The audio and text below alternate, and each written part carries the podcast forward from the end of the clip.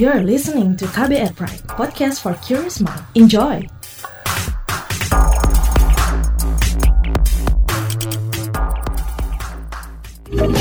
Kamu lagi dengerin What's Trending KBR Pagi. Selamat pagi, ketemu lagi dengan saya Don Brady di What's Trending KBR Pagi di hari Senin 16 November 2020. Mudah-mudahan Anda dalam keadaan baik-baik saja sama dengan saya yang masih siaran dari rumah. Well, pagi ini kita ngobrolin soal perkara kembali ramainya hashtag Indonesia Terserah. Jadi tagar Indonesia Terserah itu kembali digemakan oleh warganet hingga menjadi trending topik dari Sabtu uh, eh, 14 November ya dan masih eksis hingga Minggu siang kemarin dan Dr. Tirta yang merupakan relawan COVID-19 sekaligus aktivis media sosial melalui akunnya @tirta underscore hundi mengkritisi pemerintah karena memberikan 20 ribu masker ke sebuah acara pernikahan sembari mencantumkan tagar Indonesia terserah. Tirta menulis, ini bukan soal cebong kampret. Ini soal kemanusiaan. Nakes, kawan-kawan senior saya banyak yang wafat. Relawan gak digaji berjuang habis-habisan. Merapi, siaga tiga. Bagi-bagi masker ke tamu undangan, Indonesia terserah. Hati nurani kalian di mana wahai Satgas Covid? Gak peduli relawanmu. Oke. Nah sebelumnya, Tirta juga menyoroti kerumunan massa yang tercipta akibat kampanye pilkada dan aksi unjuk rasa. Ia pun kembali mengingatkan banyaknya tenaga medis yang gugur dalam menangani pandemi COVID-19. Sebelum kita bahas lebih lanjut, kita simak dulu komentar netizen plus 62 soal ini. Ini dia. Pertama, akun at Persipura underscore bilang, standar ganda nih bos-bos aparat at div humas underscore polri dalam memberikan izin keramaian yang jelas-jelas bikin kerumunan massa tidak ditindak malah difasilitasi. Liga 1 yang komitmen tanpa penonton malah tidak diberi izin. Jangan gitulah bos, tidak elok dipandang masyarakat. Kalau akun at Tirta underscore Hudi bilang, kabarnya at Satpol PP underscore DKI sudah memberi denda 50 juta ke penyelenggara. Akun at Permadi PU bilang, dicegah harusnya dong bukan didenda. Emang kalau didenda COVID-nya nggak jadi nular. At DKI Jakarta at Satpol PP underscore DKI. Sedangkan akun at Tunggal Dewi underscore bilang, aku yakin bakal ada yang sakit karena hal-hal dengan peraturan ganda tersebut. Kuat-kuat semua orang. Kalau diminta tanggapan cuma bisa bilang sabar dan doa sebagai penolong. Akun at Embel 7403 7846 bilang, kampanye pilkada dan masa Habib harus sama-sama ditindak dong. Bisa jangan mengeong seperti ini. Nah, akun @kubril CLBK bilang, jadi hashtag yang tepat itu hashtag Jakarta terserah, bukan hashtag Indonesia terserah. Ingat om, Indonesia itu bukan cuma Jakarta. Niat baik Om Tirta underscore Hudi malah memprovokasi orang se-Indonesia. Akun @wets04 bilang, keluar ah nongkrong sampai pagi, jalan-jalan ke tempat wisata, bosen di kamar terus. Siapa tahu kan dapat masker gratis at BNPB underscore Indonesia. Ya nggak bos? Terakhir akun @abangto2 dengan hashtag Indonesia terserah bilang, kasihan para medis yang bertugas dan sampai sekarang pandemi bukannya menurun. Banyak juga para medis jadi korban keganasan virus COVID-19 di mana hati nuranimu melihat mereka-mereka yang berada di garda terdepan, merawat keluargamu, temanmu, dan saudara-saudaramu. Lihatlah mereka. What's Trending KBR Pagi. Balik lagi di What's Trending KBR Pagi bersama saya Don Brady yang lagi ngobrolin soal perkara kembali ramainya hashtag atau tagar Indonesia terserah.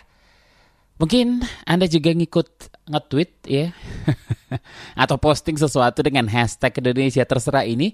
Nah, Ketua Satuan Tugas Penanganan COVID-19 Doni Monardo pun meminta maaf perihal pemberian 20 ribu masker di acara pernikahan putri dari Rizik Syihab pada akhir pekan kemarin hingga mungkin menyebabkan banyak pihak yang kurang senang.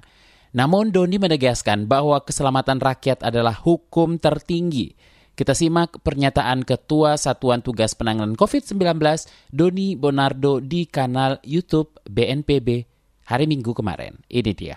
Saya selaku Ketua Satgas Penanganan COVID-19 menyampaikan apresiasi dan ucapan terima kasih kepada Gubernur DKI Bapak Anies Baswedan yang telah mengambil langkah-langkah terukur terhadap adanya pelanggaran dari suatu kegiatan yang diselenggarakan di Petamburan. Gubernur Anies telah mengirimkan tim yang dipimpin oleh Kasatpol PP untuk menyampaikan surat denda administrasi sejumlah 50 juta rupiah kepada panitia yang menyelenggarakan acara tersebut. Denda ini adalah denda tertinggi dan apabila di kemudian hari masih terulang kembali, menurut Gubernur Anies, denda tersebut akan dilipat gandakan menjadi 100 juta rupiah.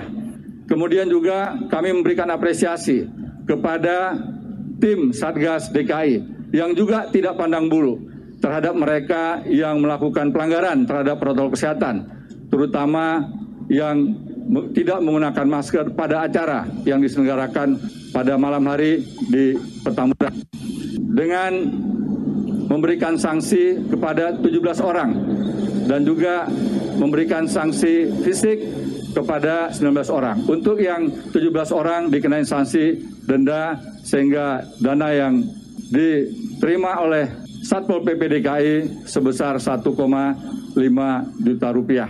Kemudian kami juga berupaya dengan Bapak Gubernur untuk berkoordinasi setiap saat. Gubernur telah menyampaikan himbauan secara lisan, diikuti oleh himbauan secara tertulis. Dan tadi malam tim Satpol PP pun telah menggelar lebih dari 200 personel untuk melihat kondisi yang ada di lapangan. Sehingga tadi pagi tim gabungan Satpol PP mengambil keputusan terjadi pelanggaran terhadap protokol kesehatan. Dan dari Satgas sendiri telah berupaya untuk memberikan bantuan masker kepada penyelenggara, kepada Satgas Petamburan agar masyarakat bisa menggunakan masker.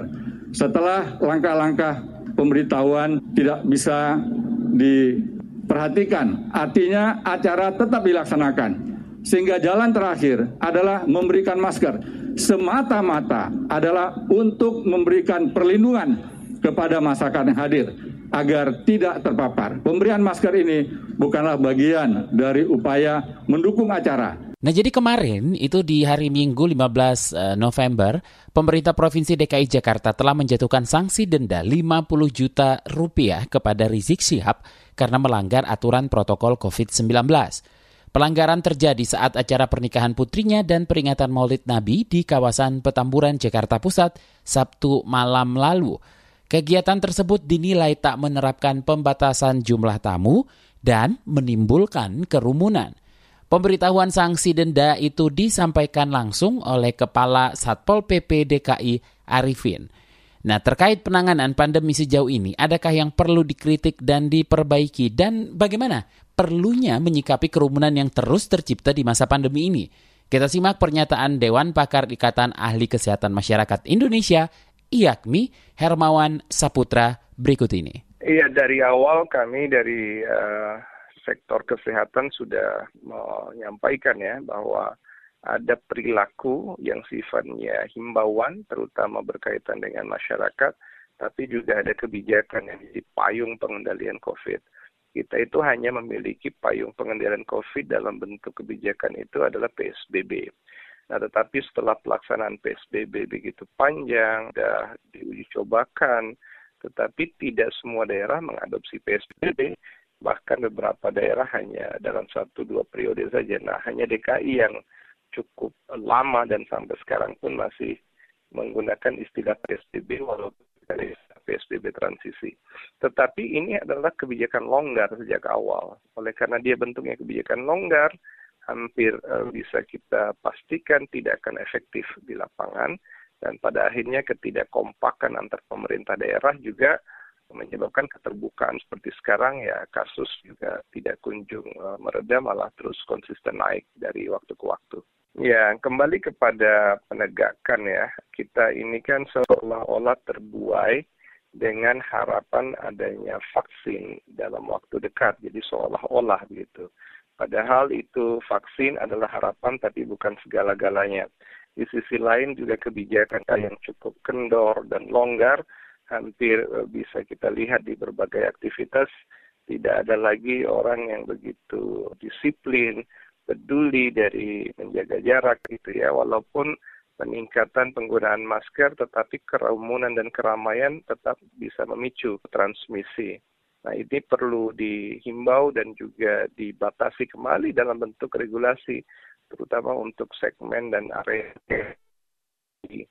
Nah, kemudian juga ada yang sekarang ini harus menjadi uh, pengutamaan ya, terutama rekayasa kesehatan lingkungan termasuk kesehatan kerja, kesehatan di uh, perkantoran, lingkungan industri, pabrik, perumahan dan lain-lain yang memang harus memperhatikan dari segi cuaca, kemudian suhu, aliran udara, bagaimana juga sirkulasi di antara gitu ya. Dan perkantoran juga sangat beresiko karena kantor-kantor udah kembali masuk saat menyeluruh ada dalam resiko yang tetap tinggi dan bahkan makin tinggi sekarang. Nanti kita akan ngobrol dengan epidemiolog dari Griffith University Australia Diki Budiman. Tapi jangan ke mana-mana, tetap di What's Trending KBR Pagi. What's Trending KBR Pagi. Commercial break. Commercial break. Vina, seorang volunteer dari komunitas Biho memberi pesan kepada teman-teman Broken Home untuk dapat bangkit dari keterpurukan dan mampu berdikari jangan sampai kalian menikah saat kalian belum siap. Itu penting banget. Jadi selama masih muda nikmati aja masa mudanya. Carilah hal-hal positif yang bermanfaat buat masa muda kalian. Sehingga nanti kalian ketika pun sudah memiliki pasangan, mau mencari pacar misalkan atau sudah ingin menikah, kalian sudah benar-benar matang agar apa yang kalian alami tidak terjadi kembali kemudian hari. Simak obrolan selengkapnya dalam podcast Disco Diskusi Psikologi dalam episode Bangkit dari Keterpurukan dan Berdikari di kbrprime.id dan platform mendengar podcast lainnya. Selamat pagi buat Anda yang baru saja mendengarkan What's Trending KBR Pagi. Selamat beraktivitas. Uh, walaupun Anda ikut nge-tweet hashtag atau tagar Indonesia terserah, tapi ya jangan terserah juga sih ya untuk uh, tetap patuhi protokol kesehatan paling enggak untuk diri Anda dan orang di sekitar Anda atau ya katakanlah untuk keluarga di rumah ya. nah, lantas seperti apa sih sebenarnya uh, pengaruh kekecewaan yang tertuang dalam tagar Indonesia terserah terhadap penanggulangan pandemi yang masih terus berlangsung? Kita obrolkan bareng epidemiolog dari Griffith University Australia, Diki Budiman. Mas Diki, sebenarnya bagaimana dampak dari adanya kerumunan massa di waktu pandemi dan kapan kira-kira akan terasa dampaknya nih? Setiap keramaian itu berpotensi pertama menjadi penyebar ya COVID ini ya dan juga ada yang disebut dengan super spreading events ya. Jadi penyebar yang dahsyat gitu dalam satu keramaian. Nah kalau kita lihat Goa lah misalnya waktu jemaah tablik itu dia ber dalam waktu lebih dari dua minggu setelah itu terlihat sekali dia berkontribusi menyebarkan pada 22 provinsi terka ada seribuan kasus yang terkait dalam aktivitas itu. Nah ini juga menunjukkan termasuk GBI, termasuk juga misalnya pasca libur panjang saja, pasca libur panjang yang sebelum yang kemarin ini, ya, yang hari ulang tahun lah yang sebelum ini, itu berkontribusi sebulan setelahnya, ya rata-rata kalau saya melihat itu satu bulan mas, dan waktu yang diperlukan untuk dengan sangat jelas ya uh, terlihat dampak dari keramaian itu. Saya sudah sampaikan sebulan lagi kita akan lihat saya bilang. Kita akan lihat mungkin dua minggu atau kenapa di saya selalu melihatnya dua seminggu sebulanan? Karena Indonesia kan testingnya rendah. Testingnya rendah ini membuat perlu ada waktu lah. Kalau untuk melihat kasus harian. Peningkatan itu yang yang udah nggak bisa dibendung lagi gitu harus nih bakal ningkat gitu loh. Lalu tindakan Satgas ini harus seperti apa di saat ini mereka terkesan memfasilitasi kerumunan tersebut nih? Jadi begini ya, Satgas itu kan satu lembaga ad hoc ya. Satgas itu lembaga ad hoc, dia bikin bikin kayak kebijakan gitu, strategi. Tapi dia bukan lembaga hukum, nggak bisa bikin misalnya aturan gitu nggak bisa. Itu keterbatasan. Makanya selalu, selalu saya sampaikan kita harus berbaik sistem dalam pengendalian ini. Sehingga akan sangat wajar karena Satgas yang lembaga ad hoc ya dia uh, pasti ada keterbatasan dan kesulitan ya uh, dalam mengendalikan termasuk melarang melarang keramaian. Nggak ada kewenangan gitu. Yang ada itu di pemerintahnya pemerintah pusat atau pemerintah daerah lima provinsi maupun kabupaten kota.